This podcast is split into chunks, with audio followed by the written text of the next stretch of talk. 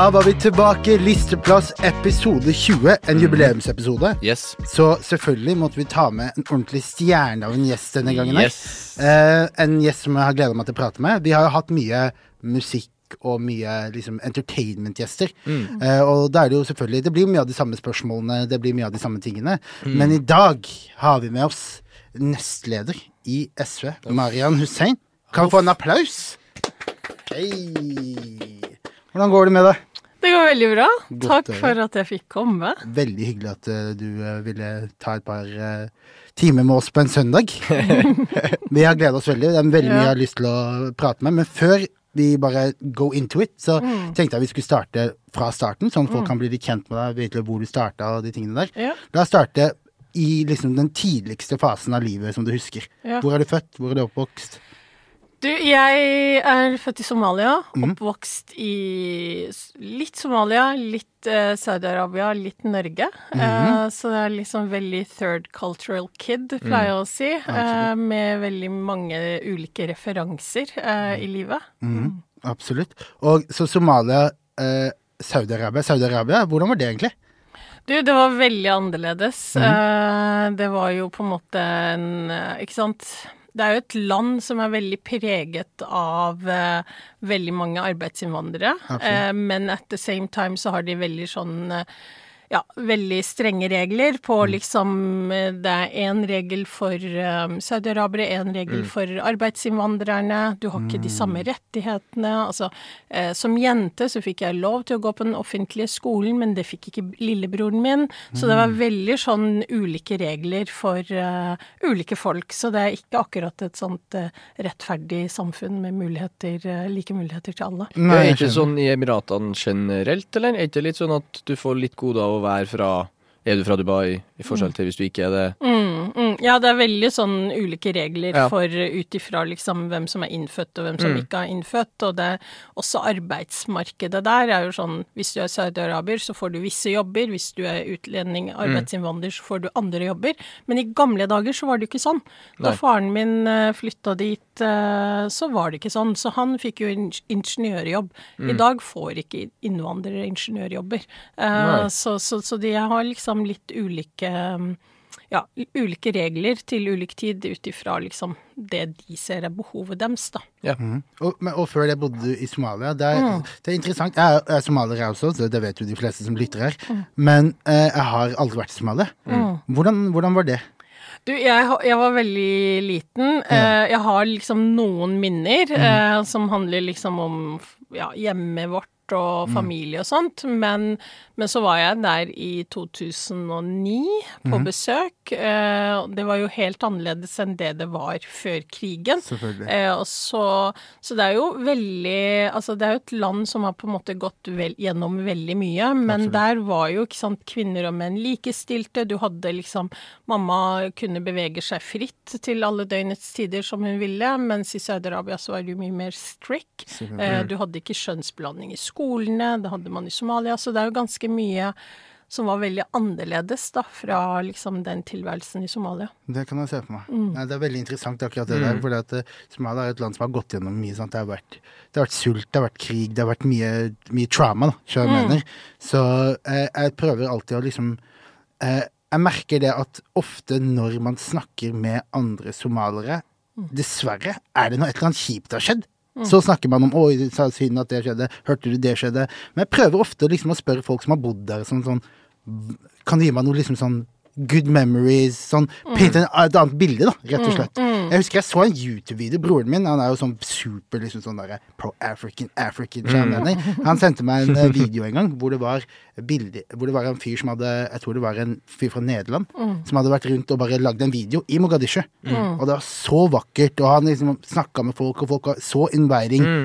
Og så ser man liksom på nyhetene og det bildet de tegner der, hvor de ser ut som liksom en war zone, og at alle er kjipe og ja. Ja, men det handler jo kanskje også litt om, ikke sant, hvis du reiser fra Vesten, du har god råd, du har liksom hatt muligheter, og så er det noe med Altså, Somalia før krigen var jo et Altså, det var jo en kommunistisk stat som var veldig opptatt av at alle skulle ha like muligheter, uansett hvor fattig familien din er. Men i dag så har du bare sånn et ekstremt kapitalistisk samfunn hvor barn ikke får gå på skole hvis ikke foreldrene kan betale for den utdanninga, eller så får du liksom noen timer på eh, ja, en FN-skole hvor du basically lærer de ja, basic eh, ting, da, og universitetene er private, helsevesenet som Somalia hadde jo det første hele liksom eh, offentlige helsevesenet i Afrika i sin tid, før krigen. Ja, Mens nå så har du liksom bare private helsetiltak, og kanskje Leger uten grenser og noen andre.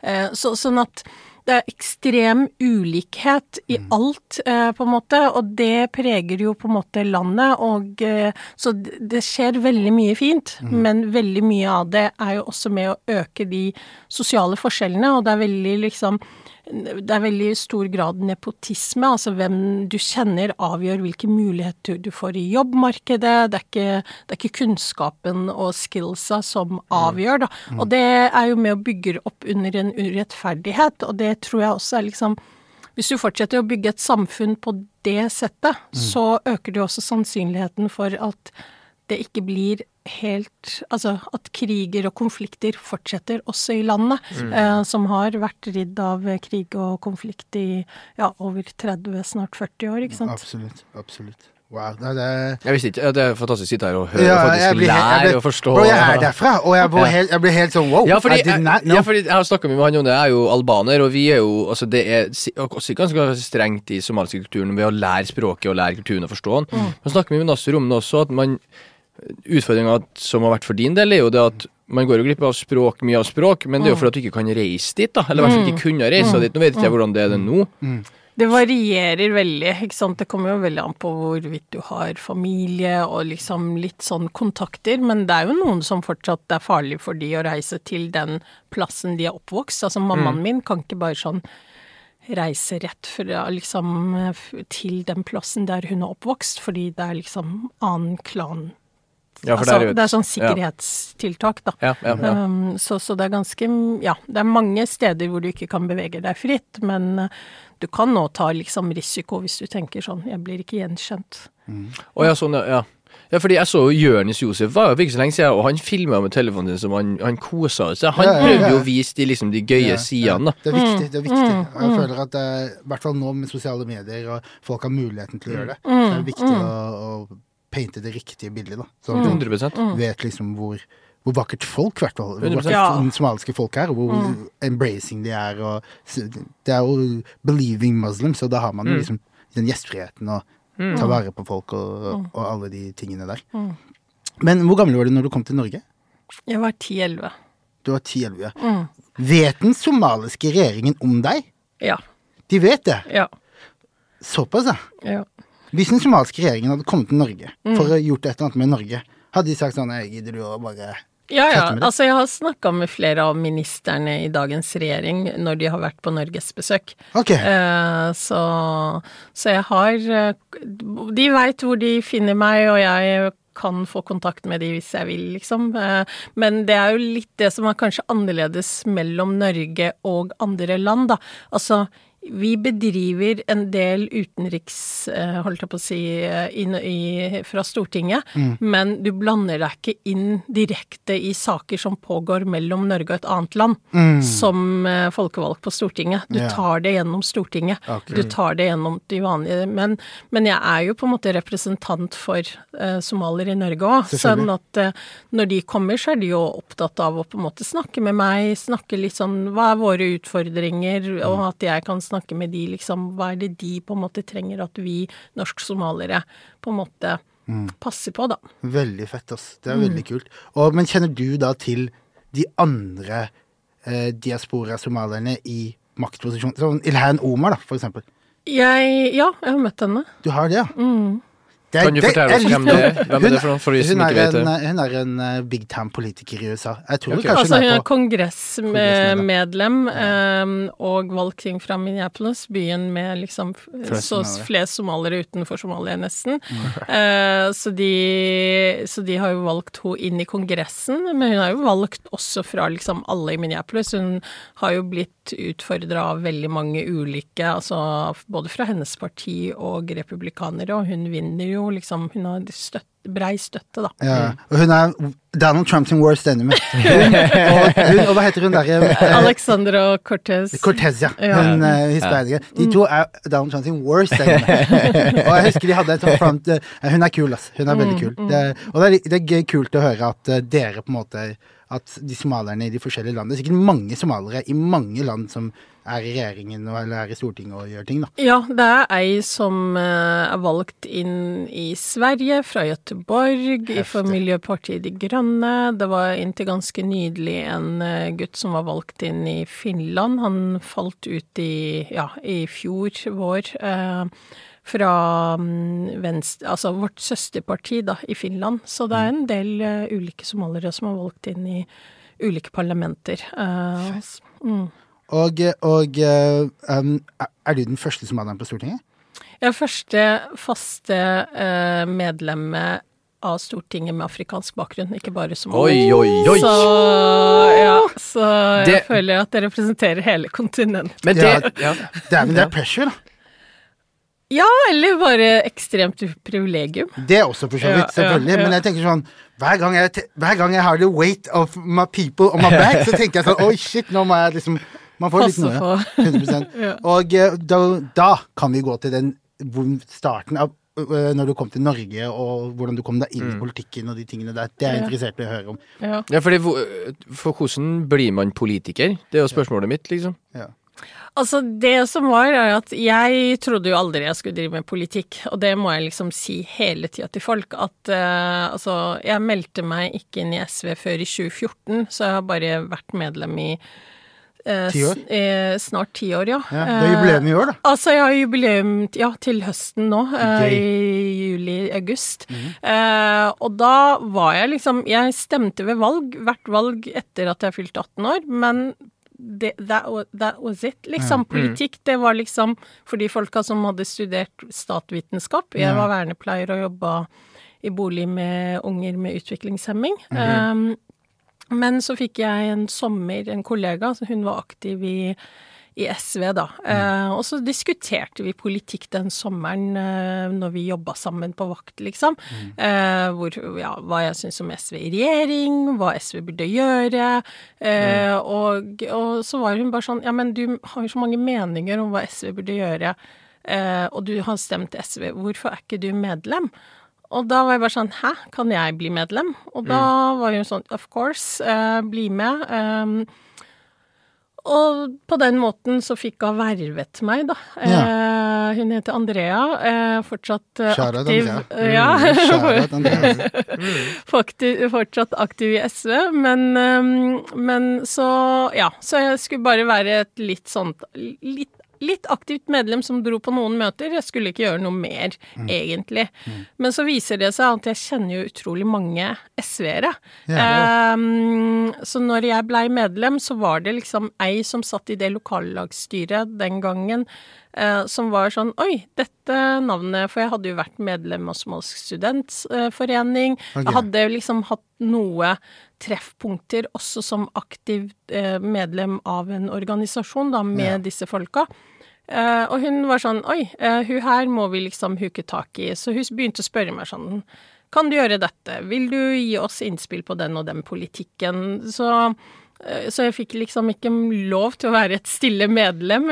De prøvde å dra meg til disse forskjellige møtene. Men hvem er på dette møtet? Det er medlemmene til SV i det lokallaget. Eh, eller i det repskapet så var det liksom de som var medlem av representantskapet i Oslo SV. Okay. Så det var liksom folk som var medlemmer, da. Så, sånn der, ja, så når du melder deg inn, så blir du på en måte Altså det er ikke alle som blir invitert til repskapet, men du blir invitert til ting som lokallaget gjør, da. Ja. Så da, var jeg, da bodde jeg her i bydel Gamle Oslo. Eh, så de inviterte meg med på ting, eh, og var liksom et lokallag som på en måte hanket meg inn. Og så den høsten så skulle de lage liste til kommunevalget 2025, nei, 2015. Og da kom eh, hun de, og så sa de Spilte de inn til valgkomiteen. Hun der burde vi ha med oss på lista til bydelsvalget. Ok. og da hadde jeg basically vært der i tre sekunder og var Skjønte ikke hva bydelpolitikk var, hva de dreiv med, så jeg måtte jo på en måte si sånn um, Jeg aner ikke, jeg må snakke med noen som kan dette. eh, og så snakket jeg med han fyren som var valgt inn fra SV i bydelsutvalget i den perioden. Han het Joakim. Og så spurte jeg han sånn Hvor mye tid? For jeg var litt sånn opptatt av sånn Ja, jeg er ikke sikker jeg har ha tid til dette. Ja. Uh, og Dette er jo kommunestyret. det, ja, det, ja, kommunestyret, men på bydelsnivå. Ikke sant? Ok. Vi- Så vi har, ikke, vi har ikke ansvar for skolen, men vi har ansvar for barnehagene, sosialhjelp, bolig, litt bolig, som er fordelt mellom eh, bystyret og bydelen. Barnevernet. ehm, ja, litt, eh, litt ulikt fra kommunestyret, for vi har noen av kommunestyret sine oppgaver, men ikke alt. Nei. Um, så det Er det en betalt jobb? Nei. Det er ikke det, nei. Nei, nei, nei, nei. Så du skal gjøre alt det der mens du er vernepleier, eller er... Altså, det her skal du kombinere med 100% stilling. Det er, okay. Alt dette er frivillig arbeid. Du får honorar for em, noen møter i bydelsutvalget Mm. uh, og i liksom komité, men det er basically liksom Godtgjørelser. Godtgjørelse. Ja. Eh, så ja. uh, veldig Og det som er, er at du må jo ha x antall møter i partiet. Mm. Eh, så for hvert møte som er på en måte Som du får møtehonorar for, så må du kanskje ha tre-fire andre møter som forberedelsesmøter, da. Ja. Så det er ikke sånn Du blir ikke med i politikken for å tjene spenn. Nei, nei, nei. Det, det, det, det, var egentlig neste spørsmål. Ja, Hold du- deg unna det her hvis du har tenkt å bli rich. Ja, fordi eh, veldig mange, men alle gjør det jo fordi de ønsker å endre samfunnet, ikke sant. De ønsker å liksom endre bydelen sin, de, gjør, de vil gjøre noe for de barna som vokser opp i bydelen. De, de har liksom et sånt de ser for seg en høyere himmel da, enn eh, penger, men veldig mange politikere taper jo. Eh, eller folkevalgte liker jeg å bruke, jeg liker ikke ordet politiker, fordi det virker som at det er sånn eh, at det er en karrierevei, men du er jo folkevalgt, du forvalter jo en tillit fra folket. Ja. Eh, sånn at eh, og veldig mange ender jo med å tape, egentlig, fordi ofte så er det sånn at de må redusere kanskje stillingen sin der de jobber, for å få det her kabalen til å gå opp, da. I hvert fall hvis man har familie sånn på toppen av det. liksom. Ja, for dere sa at dere hadde ansvaret for da barnevern, sa du, Mm. og alle de tingene her, og det er ganske sånn Ja, seriøse det er- jobber, jeg tenker jeg, tok til å ikke få Jeg tok i utgangspunktet at det var betalt, jeg. Ja, i hvert fall du nevnte det, fordi, ja. Ja, det er kanskje ikke Nei, jeg skal ikke Altså, i kommunestyrer, eh, altså de som er i bystyret, Ja. der har du noen fulltidspolitikere, men det er ikke heller veldig mange. Nei. Eh, ikke sant? I SV så har vi liksom seks som er valgt inn i Ja. bystyret nå, og det er to av de som har eh, fulltidsstilling, på en måte. Så det kommer jo det, det, Så det er ganske skjevfordelt hvem som får lov å jobbe med politikk på fulltid, og hvem som ikke får lov å jobbe med det på fulltid. Um, og, men de fleste gjør jo dette til tross for eh, altså de eh, rammene rundt, da. Ja, for ja, det er jo begrensa Man vil jo være med å endre samfunnet, men det er begrensa hvor mye man vil etter hvert Ja. også, tenker jeg. Ja, for på et eller annet nivå, når man kommer, at det, er når man kommer inn og Ja. liksom starter med politikk, så tror jeg ma- i hvert fall en veldig klar majoritet har liksom, som du sier, da, intensjon om å fikse verden, fikse nærmiljøet sitt. Det er kanskje noe som har plaga deg, som du vil fikse. Og så kommer man seg opp. Det er litt liksom det samme som med musikk. Man starter med å lage kunsten man ønsker. Og så kommer man seg inn døra, og så ser man at oi, her er det muligheter for sånn og sånn og sånn. Og så er det, vil jo selvfølgelig alle klatre seg oppover og gjøre de tingene der. Men er det vanlig at folk kjører den veien, eller er det vanlig at folk Altså, er de fleste av kollegene dine kommet gjennom liksom ungdomspartiet til SV og gått hele veien opp gjennom SV, eller? Nei, i SV så har vi noen som har vært med i fra liksom de var unge, fra liksom sosialistisk ungdom, men så har vi også noen som har blitt med fra voksen alder. Eh, Så vi er veldig Jeg vil si at majoriteten av stortingsgruppa vår i dag er ikke var ikke med i SU da de var unge. Mm. De har liksom hatt helt vanlige jobber og eh, hatt helt vanlig engasjement. Eh, og så eh, får de muligheten til å stille til, eh, til valg for Stortinget. Og det samme gjelder, ikke sant. I går var jeg og besøkte eh, fylkesårsmøtet til Østfold SV, og der var det en fyr som har sittet i liksom 30 år i kommunestyret for SV, eh, og trivdes med det. Så vi har veldig mange forskjellige folk som sitter i ulike roller, og som på en måte eh, De finner at ok, men dette nivået er det nivået jeg ønsker å bidra eh, i, og så er det noen som kanskje på en måte tar steget da. da. Mm. Ja, faren min elsker jo SV. Han mm. snakker om SV hele tiden. Og han eh, Og eh, ofte så har jeg diskutert med han da, om mm. liksom Jeg hadde en ganske interessant samtale med han her om dagen, der jeg fortalte mm. at vi skal ha deg på poden. Mm. Og da fant jeg ut at pappa stemmer jo ikke partier for innenrikspolitikk. Mm i, det, I, hans alder nå så stemmer han nesten kun Han sa 80% av det er utenrikspolitikk. Ja. Hva er det partiet vil gjøre med f.eks. Mm. putte press på Israel, gjøre alle disse mm. tingene her? Det er det eneste han stemmer på. Mm. Han sier alle andre tingene er jo helt likt, nesten. Mm. Om det her skal bli fem kroner dyrere eller det her skal bli fem kroner billigere, det ikke så, spiller ikke så stor rolle. Ja. Men det er veldig interessant, for det har jeg liksom litt inntrykk av at det er en del som gjør også. Fordi mm. vi hadde i, Nå sist så var det jo kommunevalg, og da var det jo ganske mange som ikke stemte her i mm. Oslo. Eh, og det bekymrer jo meg, ikke sant. Fordi jeg er jo veldig opptatt av at hvis vi som folkevalgte skal ha folkets tillit, så er vi nødt til å på en måte se på hva er det vi, er det vi kan gjøre da, for at flere faktisk bruker stemmeretten sin. Eh, og Oslo blei jo veldig sånn Oslo er jo en av Norge, eller, Norges mest klassedelte by. ikke sant? Du mm. har liksom østkanten, hvor alle som har liksom litt eh, middels og dårlig inntekt, og så har du mm. vestkanten, hvor alle som har eh, spenn, bor basically liksom veldig eh, kort fortalt. Og, og, og, og det, det, du så, var at i vestkanten, hvor liksom folk har ganske høy inntekt, der stemte så å si alle. Mens i østkanten så var det i bydel Stovner og en bydel til, så var det under 50% som stemte. Ja, det er sykt lite. Altså. Og hvor mange var det på vestkanten, husker du det? Ja, det var sånn 70 80.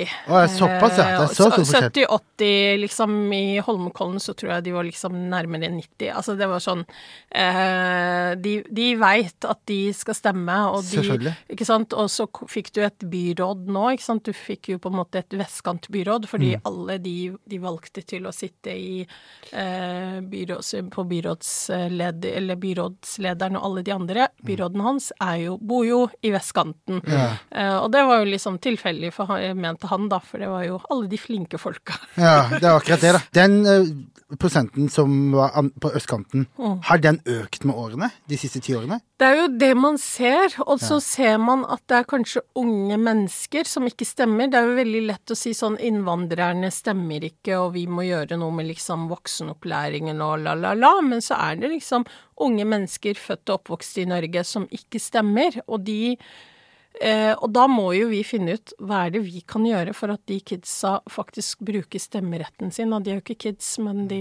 ja.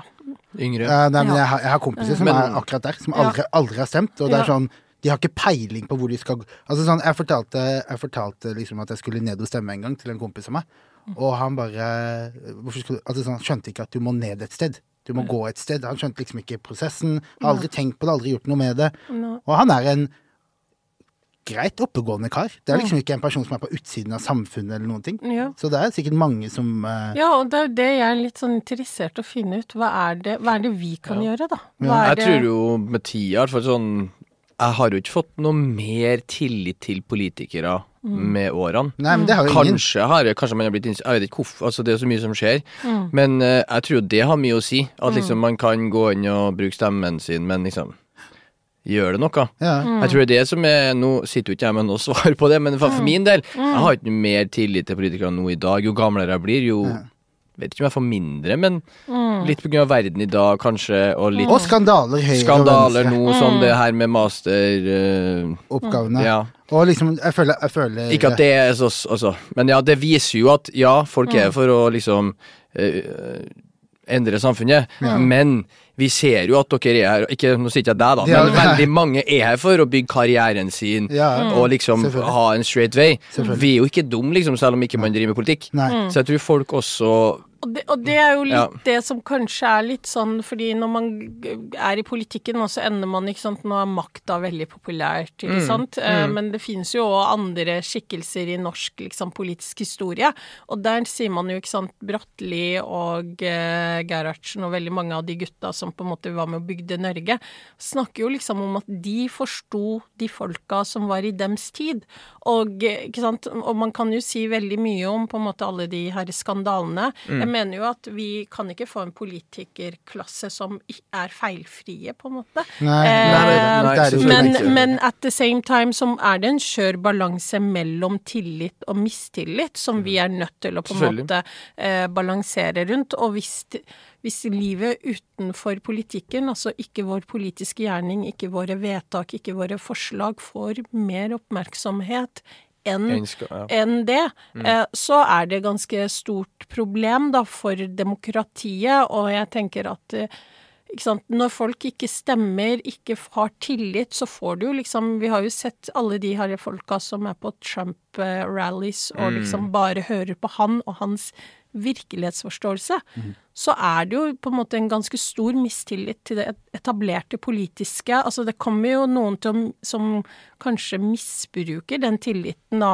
til syvende og sist, hvis ikke vi passer på, eh, på det. Og da må vi på en måte bruke tid på sånn Hvorfor kompisen din ikke ser seg nødt til å stemme? Hvorfor mm. liksom dere mm. føler at dere mister Jeg tror liksom vi må ha de her samtalene om det, for hvis ikke så havner vi liksom bakpå, da, fordi vi er jo avhengig av at folka, eller folket, på en mm. måte ønsker å bruke makta si, da, mm. Eh, for å på en måte sette retning. At det ikke bare Altså at vi mobiliserer til til de viktigste sakene som man er mm. opptatt av. Men hvordan vil du si det? Altså for min del, hvis jeg skal stemme mm. på et parti, eller sånn som mm. nå, da, kommunevalget som nettopp var. Mm.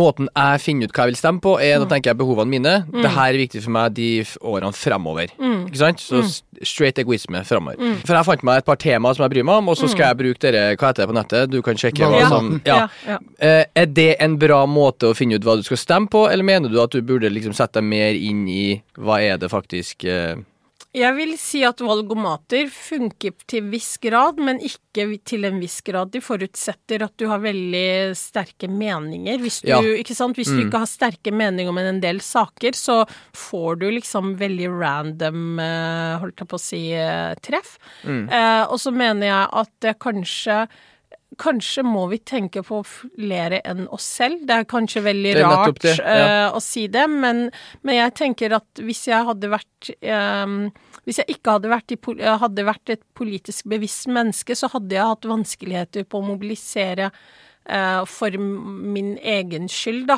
til, uh, til valg. Altså mm. at vi må tørre å tenke også på liksom vår community, mm. uh, og så finne ut hvem er det du på en måte føler er din community, da. Men, mm. men at man også når vi bruker stemmeretten vår, så må vi på en måte tenke på litt lengre sikt enn vår egen lommebok, fordi det er jo det jeg mener kanskje også er en del av utfordringen med vår tid, da. At vi på en måte Den solidariteten vår, den må strekker seg liksom over noen eh, over lommeboka, mm, da, og mm, kanskje liksom tenke enten det er klasse eller på en måte Ja, det er litt sånn ja. ulike uh, Litt, litt holdt jeg på å si politikerprat, men, ja. men, jeg mener at det er kanskje noe av den utfordringa i vår tid, da, at liksom hvis alle tenker på me, myself and I, så ja. mister vi liksom Ja, men boligrenta mi er på 6 nå, Maja. Ja, men, men, men, det der, ikke sant, det der, det der Hvordan skal jeg tenke, jo, skal jeg tenke på noen andre enn meg sjøl? Jo, men vi har jo lyst til å politisk styre. Altså, det er jo litt sånn helt ko-ko nå, ikke sant. Boligrenta eh, løper løpsk. Nav, eh, systemet fungerer ikke når vi ser liksom den køen som er foran fattighusene, på en måte. Eh, eh, sykehussystemene fungerer ikke når vi ser liksom at direktørene gjør hva enn de vil, istedenfor å lytte til de signalene politikerne gjør. De, de driver og liksom kutter i psykisk helse når politikerne mm. sier hei, vi må satse mer på psykisk helse. Vi ser ja, men bestemmer livet. ikke dere det, da? Nei, for vi Nei. har lagd noen systemer som, som, er sånn New Public Management, hvor du skal liksom la noen andre ta noen avgjørelser, så skal du gi noen signaler, ikke sant? Og så er det liksom Ida Wolden Bakke. Er, vi har liksom gitt uh, Helse Sør-Øst og liksom noen direktører i helsevesenet noe ansvar. Vi har gitt uh, på en måte Nav noe ansvar. Mm. Altså, vi har avpolitisert de tingene som påvirker folks liv mest.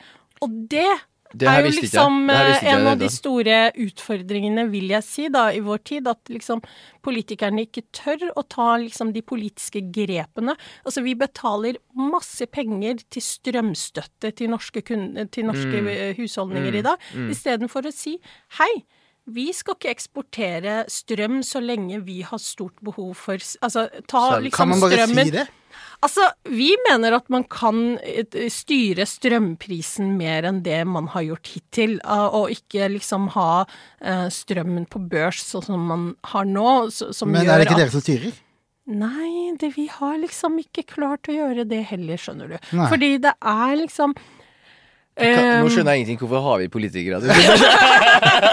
Nei, altså, i, i, i, fredstid, da, ikke sant, ja. så er det lurt å lage kanskje noen systemer for å ikke ha liksom at detaljstyring, ikke mm, sant. Mm, mm. Men så kommer jo krisetida, ikke sant. Etter krigen i Ukraina og Russland starta, så har på en måte strømmarkedet bare gått bananas på grunn av at eh, ganske mange europeiske land var avhengig av ja. eh, gass fra Russland. Eh, så, sånn at du har på en måte Du har fått litt ulike um, eh, påvirkninger på norsk økonomi, da, som mm. nå igjen da påvirker. Og all, all det, uh, altså, de pengene Norge bruker da på strømstøtte til norske kunder, påvirker jo renta. Ikke sant? Det er på en måte som ja. pengebruken eh, som staten har, påvirker renta. Så, så, alt det her henger jo litt sammen.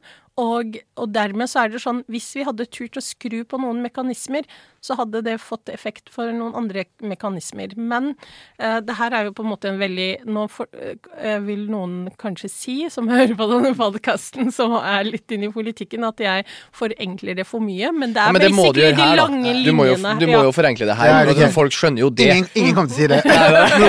de det her må det forenkles. Stor pris på at du forklarer det på den så måten. Så det jeg har funnet ut nå, er at folk gir faen i strømstøtte, så renta mi kan bli lavere. Nei da, jeg tuller bare. Jeg tuller bare. Men hvordan, jeg, eh, jeg, har par, jeg, har liksom et par sånne punkter som jeg har lurt på hva liksom SV sin, uh, sitt standpunkt er på. Mm, mm. Uh, vi kan starte med Nato. Mm. Er dere positive eller negative til Nato? Altså, vi har endret uh, landsmøtevedtak. I fjor så okay. var, Før så var vi sånn meld Norge ut av Nato. Uh, I fjor så hadde vi et landsmøte hvor vi sa uh, det er kanskje lurt at vi er med i Nato. Ja. fordi, ikke sant, historien til SV er jo utbryterne fra Arbeiderpartiet for snart 50 år siden, som mm. ikke ønsket Norge inn i Nato, ikke ønsket atomvåpen eh, Altså at vi skulle bli en del av det atomvåpenmakta, og at vi ikke skulle ha liksom eh, atomvåpen i Norge. Men vi kan ikke være de eneste uten? Ja, nå er jo ting annerledes, så det er jo derfor vi endra, eh, holdt jeg på å si, holdning. Men i, frem til ganske nylig, frem til Russland gikk til angrep på Russland Nei, Russland gikk eh, til angrep på Ukraina, så var jo både uh, Sverige og Finland utafor. Ja. Ikke sant? Sånn at vi kunne hatt en nordisk samarbeid. Og nå snakker jo alle om en nordisk samarbeid innad i Nato-familien, men ja. før det så har jo Og Sverige og, og Finland har jo faktisk, ikke sant, når de ikke har vært med i Nato, så har de også klart å ha et større forsvar enn det vi har. Fordi vi har på en måte vi har vært med på masse Nato-kriger som de ikke har vært med på. Mm. Som ikke har eh, tatt veldig mye av ressursene ut av dems forsvar også. Mm. Så vi må jo se at det er jo ikke på en måte det har jo ikke tjent Norge akkurat i tidligere år å være med i Nato, men nå ser, ser jo på en måte eh, geopolitiske situasjonen annerledes ut. Mm. Når, når, vi ser vår nabo i nord går til angrep på en, en, av sine andre naboer, så akkurat nå så er jo på en måte eh, situasjonen helt annerledes. Og det var jo derfor SV også endret sin eh, politikk da, i, i fjorårets eh, landsmøte. Absolutt. Å, men er eh, eh, Men hvorfor stiller vi oss så fin... Altså sånn Jeg føler liksom Norge som tradisjonelt har stilt seg ganske fiendtlig til Russland. Jeg vil ikke si det. Norge ikke? har jo hele tida balansert en sånn dialog og eh, holdt jeg på å si opprøstning mot vår nabo i nord. Eh, vi har liksom hatt fremdeles Norge er det eneste landet i Europa nå som samarbeider med Russland på på fiskeri i mm. nord, eh, Barentshavet. vi er Krangla ikke, vi om det for et par år siden? Jo, og så fant vi, så lagde vi en avtale. Det her er liksom noe av Støre og eh, Stoltenberg sine stolteste øyeblikk, tror jeg. For at vi klarte å lande en sånn eh, Barentshavet-avtale med russerne. Okay. det er noe liksom kontakt mellom Russland og Norge på ikke ikke-diplomatisk nivå, sånn at de klarer å ivareta en del av på en måte ja, det som skjer i nordområdene. Så jeg vil jo si at liksom Norge har hele tiden vært en sånn eh, ja, vi har liksom vært med i Nato og sagt sånn Don't mess with us. Mm. Og så har vi også funnet noen gode løsninger som har fungert for begge landene i de grenseområdene man har, da. Det er smart. Det er smart. Mm. Og uh, med Når det kommer til liksom sånn Israel, Palestina. Mm. Det er jo et big question. Og folk er jo, mm. Jeg føler det er en ting som folk kommer til å stemme på. Solely på et eller annet tidspunkt. Ja, men Hva var det som skjedde nå? Var ikke, var ikke bare to partier? Var dere en av de partiene som vi og vi, Det var flere partier, men vi og Rødt og MDG har Altså med MDG så hadde vi et sånt forslag hvor man skulle ha en, en, årlig eller en sånn langsiktig opp, oppbyggingsarbeid. Litt det samme som Nansen-programmet man har med Ukraina. Mm. At man burde ha et sånn type program med palestinerne for å kunne bygge opp samfunnet igjen. Mm. For det har de gjort i, med Ukraina? Så, Ja, ja, det heter Nans-programmet. Og ja. så har vi hatt et forslag om å stille de som på en måte begår uh, brudd på folkeretten og krigs... altså at Norge burde også være med å på en måte undersøke og gi støtte også til eh, Den internasjonale domstolen for at de kan etterforske mm. mer av krigsforbrytelsene som skjer. Mm. Og så har vi hatt et forslag om å eh, sanksjonere eh, Israel, altså at Norge eh, For det gjør vi mot Russland? Det gjør vi mot Russland. Ja. Eh, det gjør hele Europa mot Russland, og at man burde på en måte eh, Vi ser jo, ikke sant, norske våpen som havner i eh, Israel, produsert av Nammo. Vi har delproduksjon i Norge av våpentyper som vi samarbeider med andre land om, som også brukes i den krigen. Så det er, det er ganske mye av norsk økonomi. Altså vi har et oljefond som investerer i eh, økonomien i Israel og eh, ting som produseres i bosettingsområder. Så vi har, vi har ganske komplisert forhold eh, til Israel, og vi mener at Norge burde da ta et klart standpunkt når man ser at det her er et land som bryter folkeretten, går inn, angriper sykehus, gjør ganske mye, og, som, og, og nå som den internasjonale domstolen har sagt at her er det fare mm. for folkemord. Mm. Altså her bør på en måte verdenssamfunnet reagere. Og jeg tror jo på at kapitalister forstår kapitalisme, de forstår penger, liksom, og da må Norge gå foran. Men når vi, som det lille landet vi er, da, skal legge press på uh, Altså, hvordan kan vi sette press på Israel når vi på en måte er så tilknytta til USA som finansierer mye av de tingene der, mm. og hvordan kan uh, Altså, hva på en måte Hvis vi Nå er jo vi uh, slik jeg har forstått det, da, mm. i en posisjon hvor vi er ganske gode venner med Israel. Mm. Vil for det er mye sånn der eh, På disse demonstrasjonene sånn, så er det ceasefire, demand this and demand that, erkjenn mm. Palestina som Alle de her tingene mm. her, da. Uh, vil Er det smartest for oss å ikke gjøre det, slik at vi ikke pisser off Netanyahu og blir en enemy av Israel? Kan, kan ikke vi gjøre mer uh, på en måte putte mer pressure fra innsiden enn fra utsiden? Skjønner du hva jeg mener? Ja, jeg forstår. Altså, det er jo på en måte det eh, også han eh, utenriksministeren mener, da, at vi har liksom dialog med begge parter. Men så er det jo spørsmålet har dialogen ført fram? Ikke sant? Ja. Det er 30 år siden, eh, holdt jeg på å si, Oslo-avtalen. Mm. Palestinerne har tapt mer av sitt landområde enn det de hadde før Oslo-avtalen. Bosetningene har fortsatt.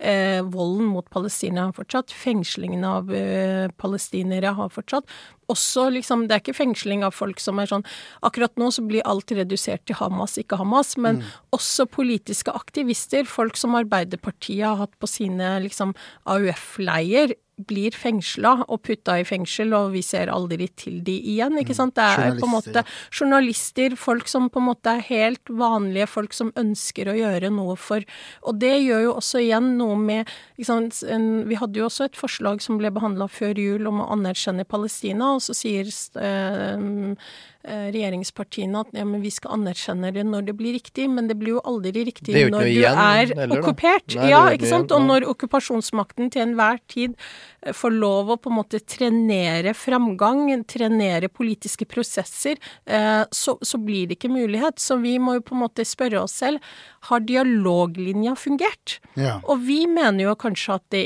er behov for evaluering av den dialoglinja, for det har jo ikke hjulpet. Altså Netanyahu har blitt mer og mer ekstremist. Mm. Og, eh, og, nå så er jo situasjonen sånn at han kanskje vil bare sitte og regjere, fordi så fort han er ferdig Han har jo dømt og mistenkt for flere på en måte brudd på israelske regler, og, eh, og kanskje han må i fengsel hvis han ikke lenger er statsminister, ikke sant. Så han eh, Ja, for du kan ikke gå inn i fengsel hvis du er Nei. Nei. Det kan ikke nei. Nei, Så du, han er jo på en måte immunitet akkurat nå, da. Uh, er det det samme i Norge?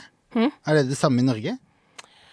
Nå skal kjøre, altså, nei, for i Norge så har vi jo på en måte et storting da, som bestemmer, og hvis du har mistillit altså Jeg vet ikke om dere husker for en del år siden, så måtte jo Sylvi Listhaug gå av fordi hun ikke hadde tillit etter at hun drev og på en måte brukte Utøya ja, ja, eh, mot eh, Arbeiderpartiet. Sånn ja, at Det var sjukt. Eh, ja, så, så, så, så, i Norge så er det sånn at eh, det er Stortinget som bestemmer om en minister har tillit eller ikke, da. Jonas Gahr Støre, hvis han har gjort noe nå, det er det ikke du mener? Ikke noe politisk. Hvis han hadde, nei, nei. Noe, hvis han hadde drunk driver, kjørt på noen, hadde han kunnet gått i fengsel da, liksom?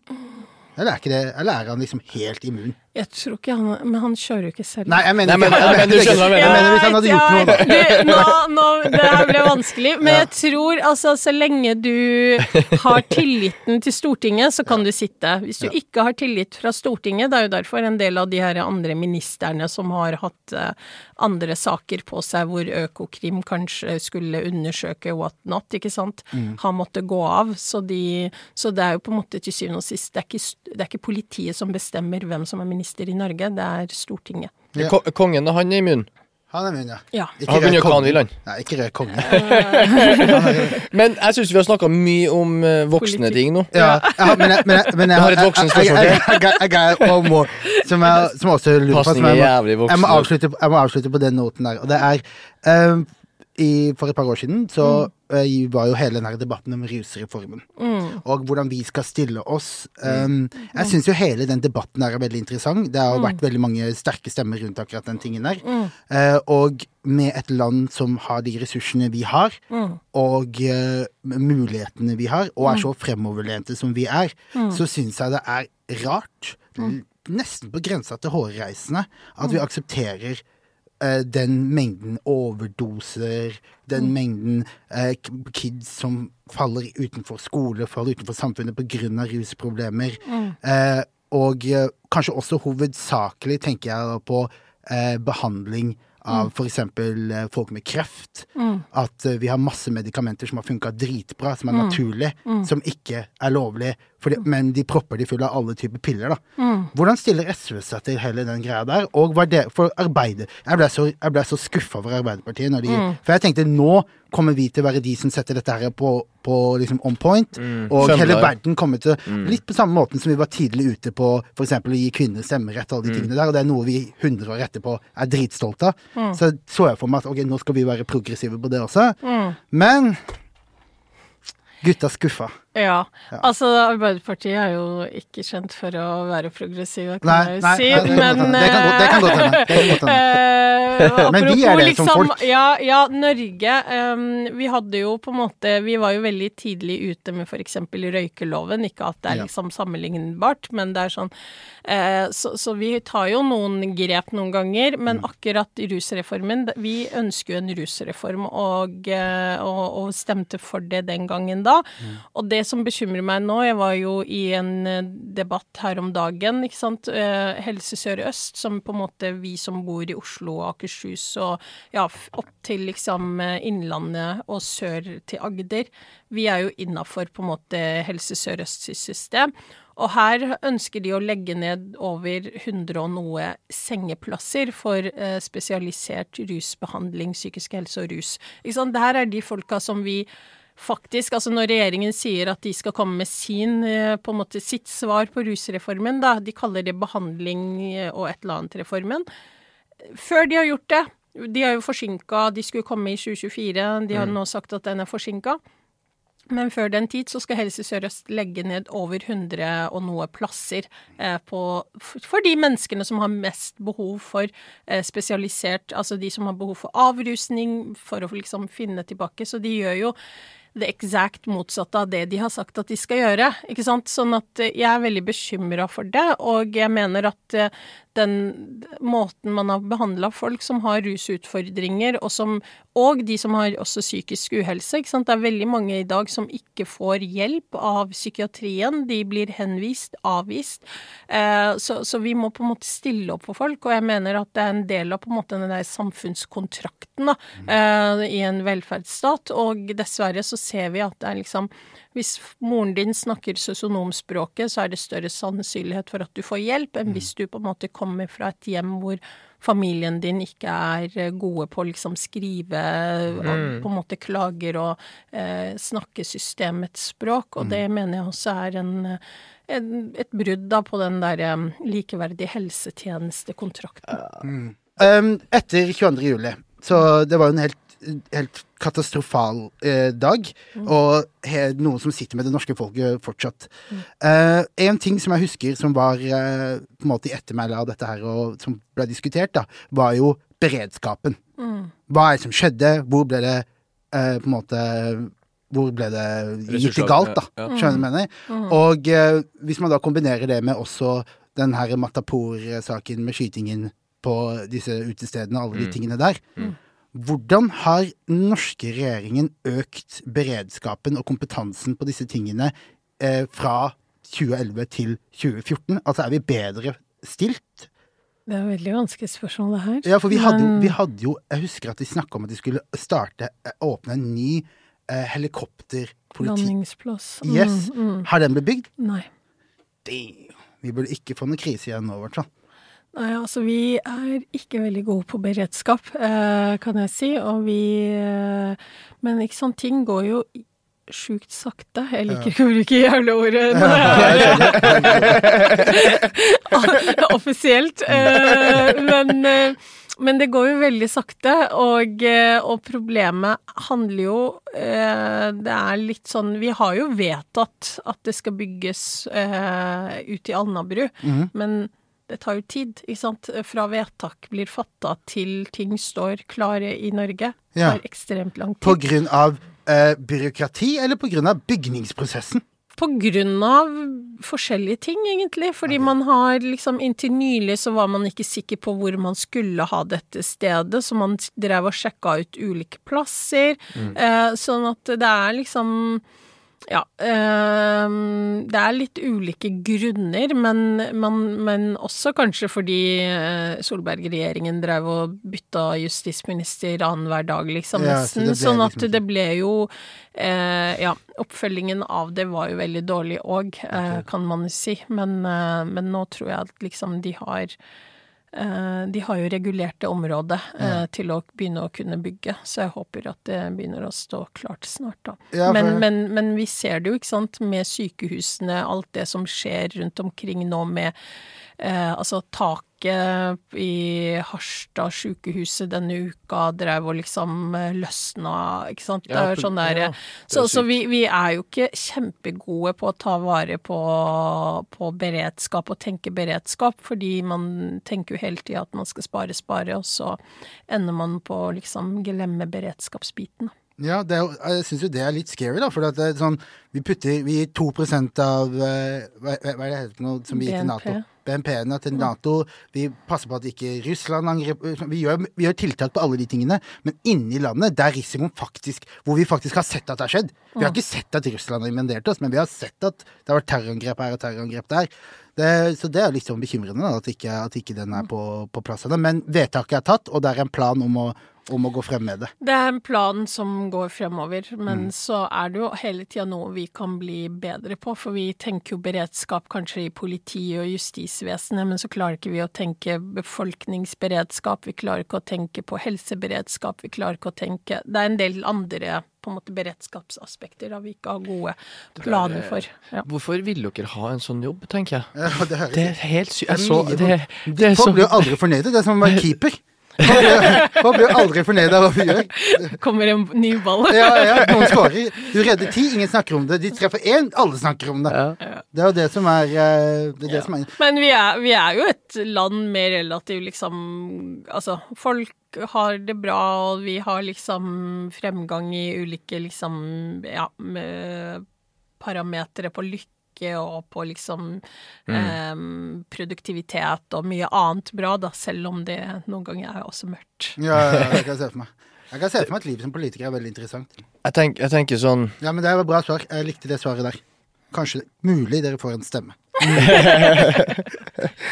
men uh, når du på en måte Når du sitter med så mye altså, tunge tema og altså, seriøse ting da, mm. i livet. Hvordan er det, Hva gjør du da for å på en måte gi når du, i hverdagen din? Altså, hvilken artist hører du på? Altså, hva liker du å se på? For jeg tenker sånn, når du, når du, brenner for noe og du får på en mm. måte avslag på avslag på avslag og ting ikke skjer mm. Jeg hadde blitt gal sikkert, jeg hadde mista ja. men hva gjør du da liksom i hverdagen din? Hvordan, hva gjør du? Altså Når det er verst, så hører jeg på musikk. Eh, ja.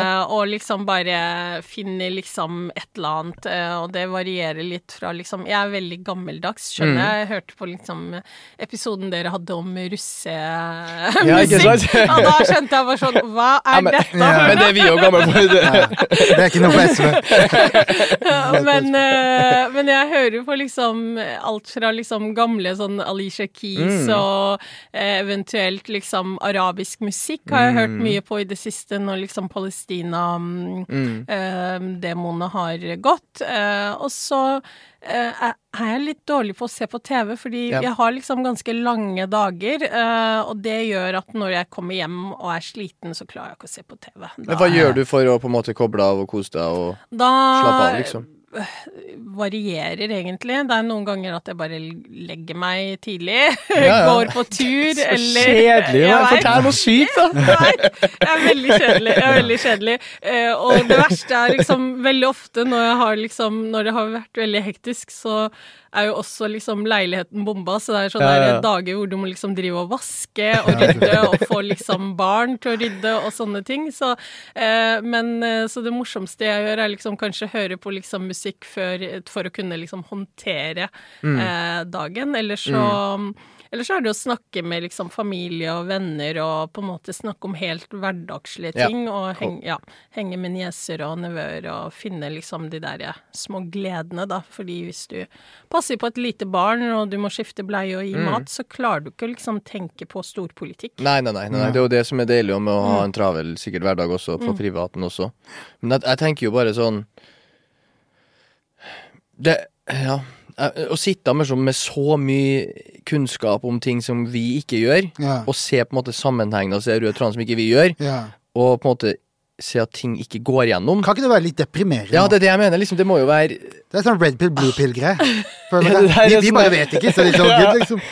Men jeg tenker sånn, når man, vet, når man ser ting og liksom ser viktige tiltak bli stemt ned og sånne ting som det. Man blir jo jævla skuffa, hvis det er mm. lov å bruke det ordet. Mm. Og man blir litt sånn eh, Men samtidig, ikke sant, eh, når man ser nå på tirsdag så skal jo den avstemningen om sanksjoner mot Israel eh, skje. Det ble jo ikke tid til å på en måte ta den avstemningen. Altså. Ja, vi vet jo hva som skjer der. ja, det, ja, vi vet jo det, men Dessverre. Eh, men det som er litt deilig, da, er jo på en måte gå tilbake og se sånn Å ja, det norske Arbeiderpartiet var også seint ute til eh, når man skulle boikotte apartheid i Sør-Afrika. Mm. Ikke sant? Vi var, altså, det fins et sånt bilde av Norge som et land som er sånn veldig progressivt og frempå, men vi er veldig sjeldent det. Ikke sant? Vi er liksom egentlig treiginger som tar liksom der risikovurderinger, og gjerne liksom etter at andre europeiske allierte ja, ja, har tatt de samme avgjørelsene, og at FN har vedtatt det et par ganger, så vi er ikke så selvgode som vi skal ha det til, da. Eh, men da er det jo litt deilig å vite liksom, at SV var tidligere ja, ute enn Arbeiderpartiet, og ja. bare sånn tenke at ok, jeg skal være tålmodig, eh, og så kommer de til å innse på en måte det som er riktig, eh, både politisk og moralsk, da. Absolutt. Kunne du tenkt deg å blitt statsminister på et eller annet tidspunkt? Hvis, hvis liksom det hadde lagt seg opp da, til det? Altså, på et tidspunkt, sånn som jeg sa i sted, Jeg trodde aldri jeg skulle drive med politikk. Jeg trodde aldri, etter at jeg ble aktiv i politikken, så trodde jeg aldri at jeg skulle sitte på Stortinget. Mm. For ett år siden snart så ble jeg nestleder i SV. Jeg trodde aldri at jeg skulle sitte i ledelsen, så jeg har slutta å bare tro noen ting om hva jeg skal gjøre politisk eh, etter det. Jeg skjønner. Ja, det er lurt, ass. Det er lurt. Men, det, er, det er veldig imponerende det du har fått til nå, liksom. Det er veldig få som får til det. Og med liksom ja, ja, alt, alt, av din bakgrunn, alt av det der som du har fått. Det er veldig imponerende, ass. Er du gal? Oh, men hvordan er, det, hvordan er det å åpne døra til Stortinget? Hvordan er det inn, hvordan, hvordan er det inn der? Første gang du gikk inn, sånn inn der. Nei, altså det er jo veldig Altså, Stortinget er jo en Altså, det er jo veldig mange folk som har det som sin arbeidsplass, så man ja. går jo inn og bare blir litt Men det er jo på en måte veldig ærverdig, og liksom man har jo veldig stor respekt for både institusjonen ja, ja. Og, og, og, det jeg på en måte forsøker å tenke på, og som vi må alltid huske som folkevalgte, er jo at vi, vi på en måte forvalter jo liksom deres Altså alle de menneskene som stemmer på oss, sin tillit, da. Mm. Uh, og man går jo på jobb og tenker sånn har jeg gjort en god nok jobb for de folka som har valgt meg? Eh, vi er litt sånn samvittighetsfulle på den måten. Det er fantastisk å høre at man, eh. at du, ja, i hvert fall du, da, tenker sånn. For jeg vet ikke om alle gjør det når de går ut av den eh, døra her, men, eh, men Nei, men eh, jeg tenker det er, det er viktig for at vi er avhengige, altså vi, for de av oss som tror på demokratiet. Altså, ikke sant, du har liksom Du har Jeg pleier å si sånn Vi, vi har folkemakt, mm. folkemakt versus pengemakt. Mm. De som kan kjøpe seg liksom tilganger og tjenester. Og hvis vi som på en måte tror på folkemakta, ikke tror på den og respekterer den folkemakta, så har ikke vi noe der å gjøre. 100 uh, ja. 100 men det er jo sånn Nå ser jeg litt sånn Alle altså, all partiene sitter der, liksom. Mm, jeg ja. sitter ved siden av Christian Tybing-Gjedde. Dere har ikke beef, liksom? Det er ikke sånn 'herregud, se på, nå sitter Frp-politikerne' og tenker jeg klarer ikke å Eller er det litt sånn uten at, altså, at du skal altså, si Noen dager er det vanskelig å sitte ved siden av ja, Christian Tybing-Gjedde. Hvem er det, for jeg, jeg, vet jo ikke hvem det er. Det er en, det er en badboy. Frp, det òg? Ja. Ja, ja. det, det, er han som kommer ut og sier noe når Frp må si noe wild og det er en person som må komme ut og si det, så er det han som sier det. Dagbladet-kommentarfeltet ville sagt at uh, Gahr Støre-regjeringen er Det er jo noe av det villeste som Det er jo katastrofe etter katastrofe. Er det det, eller er det bare at VG har liksom Eller avisen har blowa det mer? Eller er det bare Gahr Støre er dårlig til å velge laget sitt? Men ikke sant, greia er Det er jo ikke Jonas som nødvendigvis velger disse folka. Det er sant. Ikke sant? sant. Fordi de er jo representanter fra sine fylkeslag, fra sine partier. Det er folk som har valgt de til å sitte på Stortinget. Veldig mange av de kommer jo fra Stortinget, sånn at det er partiorganisasjonen som har valgt de. De er liksom deres fremste tillitspersoner. Mm. Mm.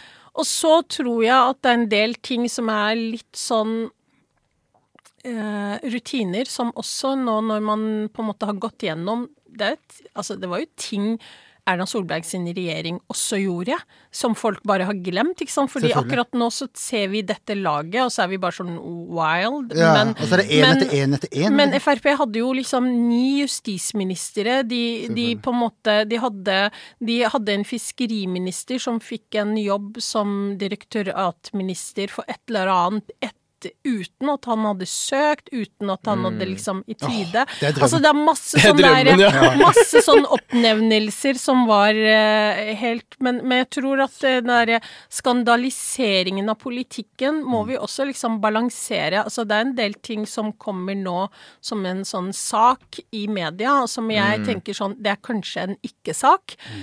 men medieøkonomien er jo også ja, ja, klikkbasert, ikke sant? Sånn at du får en sånn litt lett Altså, vi er, vi er, ikke fortsatt på Daily Mirror-greier, liksom, Nei. men vi begynner å liksom vi, vi må balansere alle sammen, ikke 100%. sant. Politikere må på en måte ta ting på alvor når de er alvor, og så må på en måte den fjerde statsmakten også på en måte være bevisst på sånn Hva er det vi eh, slår opp som sak fordi det påvirker folks tillit, da. Sånn at hvis alt, hvis alt blir liksom bare et kaos og et mess, og mm. denne gjengen her gidder jeg ikke forholde meg til, så mister jo på en måte befolkninga også tillit. Så det er en mm. sånn ja, Vi er avhengige av uh, hverandre. Hvordan er kantina på Stortinget, egentlig?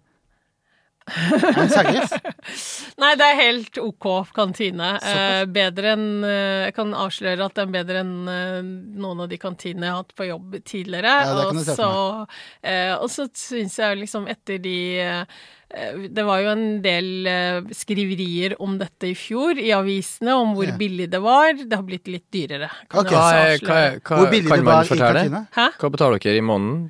Kantinetrekk, har dere det? Å ja, nei, vi har ikke kantinetrekk, så du betaler hver dag. Hva er okay, hver dag? Det var billig. Har du lov til å si det? Altså, Det kommer jo an på hva du spiser, men uh, du får liksom Salaten før i tida kosta liksom under 30 kroner. Nå kommer jeg veldig fort opp i 50 kroner. Ja. Uh, så det, og 50 ja. er det som er vanlig på universitetet og sånne ting? Ja, ja, ja, så det er veldig mye mer normal nå. Ja, såpass, ja. De kan jo ikke ha sinnssyk kantine, det går jo ikke. Hæ? Nei, dere har sikkert ikke sinnssyk kantine, det er en vanlig kantine. Nei, liksom. nei, nei, vi har liksom en salatbar som er helt, altså, helt ok, og så har vi liksom noe brødmat og noe, holdt jeg på å si Dere har ikke varmmat? Jo. Jo, vi har ja, varmmat òg. Ja. For kantina vår er helt sinnssyk. Ja, vår er insane. Men, men, hvor mye trekkes dere? Vi trekker, tar ikke jeg feil nå, så tror vi ligger på 900 kroner i måneden. Ikke sant? Jeg tror, vi, jeg tror, vi, bruker mer penger enn dere på det. Ja. På mat. Ja. Ja, men Sony betaler da Jeg tror trekkes Sony, det, det vi trekker med Sony, må betale litt ekstra, da. Det kan stemme. Mm. Så Sony betaler en del faktisk for det. Så hver gang du bruker den, så ja, ja. Mm. Nei, vi har eh, Det er ingen som går i fakkeltog for politikere, så jeg skal heller Nei. ikke si at vi har det dårlig, altså. men, men, men, men, hvis noe skal sies, da, hvis man hadde liksom Hvis man hadde lagt sammen alle de arbeidstimene vi har for den lønna vi får, så hadde vi så, så, er vi egentlig underbetalte. Altså, ja. Ja. Så, sånn at det er en del veldig ofte som er sånn Å, politikere får så så mye penger i Stortinget. Og så er det sånn mm. Nei, altså, jeg hadde sikkert tjent uh, bedre som vernepleier uh, mm. med tanke på de timene man jobber, da. Uh, ja. For vi har jo ikke noe overtid eller arbeidsmiljølov, liksom. Du gjør sikkert mye forskjellig sånn på daglig basis, men hvordan ser en vanlig dag ut, på en måte? Sånn hvordan var onsdagen i forrige uke, liksom? Mye vind, tror jeg, da. Ja, det kan vi snakke om det, i hvert fall. Onsdag forrige uke var uh, Skal vi se Jeg uh, har jo ikke oversikt over hverdagen min, egentlig, annet enn liksom kalenderen min, mm. uh, som noen andre bestemmer over. Ja, du har, du, har en, du har, en, assistent, eller? Ja, jeg har Nei, hun er ikke assistent. Er Arbeidstittelen er konsulent. Det er et menneske med mastergrad i, liksom, fra et universitet, så ja. det er jo folk som har organisasjonsansvar da, for oss. Eh, nei, begynte mm, dagen kvart på ni i et eh, Holdt jeg på å si og var på kontoret, og så var det første møte klokka ni. Vi hadde storting klokka ti. Mm. Hva vil det si? Da, da alle samler alle mm. sammen seg inn i Stortinget. Og Jonas snakker? Nei, denne gangen var det eh, tre andre ministre. Det var eh, hun nye utdanningsministeren, og så var det eh, justisministeren, og så var det én minister til eh, så, som kom til Stortingets spørretime. Onsdager er sånn der eh, spørretime, så kanskje neste onsdag kommer Jonas, men hver gang så er det liksom ulike ministre som kommer, da, og så stiller vi dem spørsmål om Eh, om både liksom nye og gamle saker. Spontan spørretime, heter det. Og så hadde jeg liksom et møte fra 10.30 til eh, ja, ti over ett. Eh, satt jeg i et møterom på partikontoret.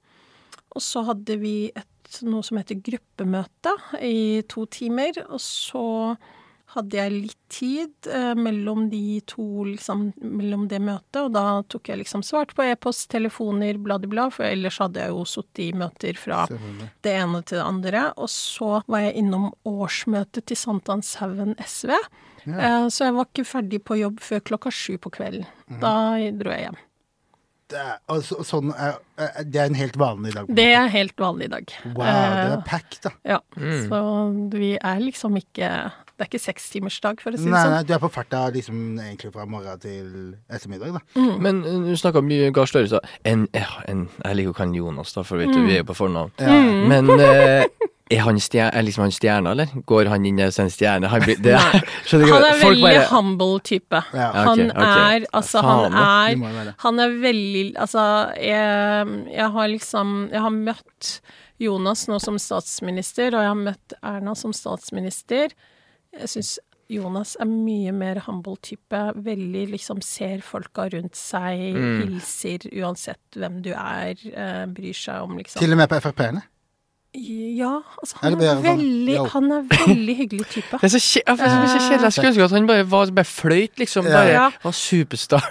Jo, men han er liksom Han er jo superstar fordi han er statsminister. Så- ja, men ja. han er veldig liksom down to earth, da. Uh, mens noen andre er litt mer sånn opptatt av å være streng og ja, ja eh, bassaktig, Ja, ja, ja, liksom. Mm. ja. Hvis du noen gang blir statsminister, så kommer jeg til å ringe deg. Bare for å bevise gutta at jeg kan ringe til statsministeren. Og jeg kommer til å starte med å si 'ikke la meg ringe til statsministeren'. Hver setning, ja. Og eh, ja, det var veldig, veldig, veldig interessant. Min personlige favoritt. Ja, så langt til meg. favoritt Så langt til meg. Min personlige favoritt. Jeg lærte, 100%. lærte ekstremt mye Det kan godt hende du fikk noen nye SV-folk her. Her, ja. Ja, altså lytterne, tenker jeg på. ja, ja, Det, er, det er veldig mye, veldig mye Vi har en eh, siste ting vi må ta inn, ja. Yes, det har vi. Det, det blir interessant å høre. ja. Ja. Uh, vi har en spalte som heter Oslo Tips. Mm. Og, og da spør vi folk uh, om tips om byen, Mm. og det kan være hva som helst. Egentlig Jo mer sånn spesifikt og spesielt, jo bedre. Om det er et sted å spise, om det er noe man burde se, om det er en bydel Mm. som kanskje man burde oppleve, en park, whatever. Har du noen favoritter? Of course. Yes. Ja. Oi, oi, oi. Altså, jeg vil si uh, begynne med at folk må ta banen til Stovner. Ja. Ja. Du vet jo han er jeg har jo bodd der uh, i ett og et halvt år. Når vi sparte vår første leilighet, så bodde vi hos svigermor i Ja. Jakobine Ryes. Ja. Jeg, jeg har vært der mye. ja. Stovner, er amazing. Ja. Ja. Så Stovner, uh, banen Man må ta banen, man kan ikke kjøre dit. Uh, det er Vestlig liksom linje fem, egen opplevelse. Eh, det er liksom Du ser all kinds of people fra liksom alle livets eh, Holdt på å si Nei. Ja. 100 Eh, og så Stovner senter. Ja. Eh, heng der. Sett deg liksom Enten der er eh, på kafeen uh, Buckstub, som er rett ved inngangspartiet, eller liksom på en av de andre kafeene. Eh, og bare people watch. Eh, spis eh, kebab i en av de mange ja, restaurantene. som Ja, Alibaba der Ja. er, er jo ganske bra. Veldig bra. Der har alle bursdag hele tida. Eh, Happy birthday! De bruker den der Ja, jeg sangen. feira- bursdagen min på et sånt tyrkisk sted i byen. Mamma, mamma og pappa kom inn, skulle feire bursdagen min, for jeg fylte 30. Ja. Og så kommer det Kommer det en kar ut, de er så ekstra. Ja, Kommer det en kar ut med sånn derre uh, Sånn lys, Ja, ja, ja. øh, og så er det en fyr som kommer ut med et sverd, Oh, ja. og så gir han meg sverdet. Å ja. Ok, så vi har ikke sverd da. Så begynner, de å, så begynner de å spille musikk, og så har de ikke noen sånn effekter på lyset. Så det er en kar som står og skrur av på. Det var gøy. Veldig Det var gøy. Nei, og så er det beste stedet på Stovner, etter at man har spist og liksom people watcha, Mm. eh, så må man innom biblioteket på Stovner. Og senteret i ja. tredje etasje der. Yes. Deichmanske? Verden, ja, Deichmanske. Veldig fint. eh, Ja, det er det faktisk. Sted til å både henge som ung voksen, Mm. hvis du har med barn. Altså, det er bare ja, veldig bra. Og de har også veldig mange bra arrangementer. Sist gang jeg var der, så var eh, Odd Karsten Tveit der, han tidligere NRK-korrespondenten, og snakka om Palestina og yeah, Wow. Israel-konflikten. Was packed. Yeah. Det var liksom besteforeldre med rullatorer, ungdommer som var 16 år, alle var der, liksom. Så spennende. Ja, litt overraskende. Du tok opp Eli- Er det Elias-stua det heter? Oh! Jeg er litt overrasket du tok den, men ja. Jo, Liastua, egentlig så burde jeg gjøre det. Det er jo vinter. Eh, de er åpne, de har verdens beste vafler. Eh, så det òg Nå var jeg litt sånn derre Jeg tenkte de som kanskje hører på dere, er litt sånn urbane ja. kebabspesere. Men Liastua er også et veldig bra sted, eh, Ja. og det har også min eh, Kirsti Bergstø, som er partileder, hun har jo også oppdaget det, så hun drev og la ut her om dagen om verdens beste vafler som hun fikk der, da. Så Ja. Eh, Marian, tusen tusen hjertelig ja, takk for at du kom og pratet med oss i dag. Det var veldig interessant samtale. Jeg har ikke sittet og snakket i tre timer. Ja, jeg, skal, jeg, jeg, jeg, har så mange spørsmål. Ja, okay. og, jeg kommer gjerne igjen. Ja, det her var sinnssykt Kanskje vi kan ta neste gang på Stortinget? Definitivt. Det hadde vært helt sykt. Ja, det hadde vært sykt. Ja, vi har hatt podkastinnspilling på Stortinget. Med, det hadde vært sjukt. Skjønner plutselig ser du liksom Nei, det hadde vært helt sinnssykt gøy. Ja. Listeplass, baby. We, we out. Du har hørt en podkast fra Vårt Oslo. Hør flere podkaster på vartoslo.no podkast. Hvordan er det egentlig å selge sex? Hva er fordelene og ulempene ved sexsalget? Hvem er det egentlig som kan representere sexarbeidere? Og hvorfor er sexarbeid egentlig så provoserende? Vi er to menn som begge har erfaring med sexarbeid, og i podkasten Menn som selger sex vil vi snakke om nettopp dette. Hør første episode tirsdag 9. januar, der du hører på podkasten.